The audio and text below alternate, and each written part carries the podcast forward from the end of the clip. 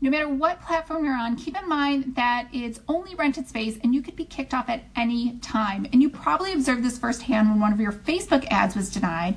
My Facebook ad account has actually been banned a couple times because of the fitness ads I tried to run, but there's no reason to be bitter about it. And I realize it can be frustrating, but go in understanding that it's just like renting versus owning. And if you're a renter, you have to get permission to paint the walls, hang up art, have a pet, versus homeowners who can make those decisions on their own. Now, there are two huge reasons that I always advise people against website services like Wix or Squarespace or hosting their own online course on Teachable or Kajabi. And one is not only do they control and own your content, but they decide if it's okay to post and they can turn it off at any time. Second, they could go out of business any day and all of your data would be gone. So, what can you do? I have three suggestions. The first one is you should always choose self hosted solutions over hosted where it makes sense. Second, you can back everything up or periodically download feeds from your various platforms.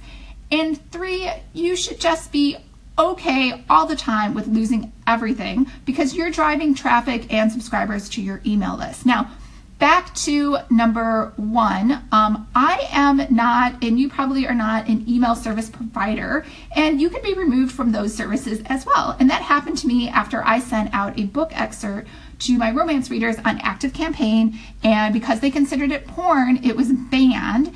Uh, now, I made the decision that I am still going to remain with commercial email service providers because of the functionality and the integrations that they offer, and those outweigh the negatives of this. And I've since moved from Active Campaign to Drip, and I haven't had a problem.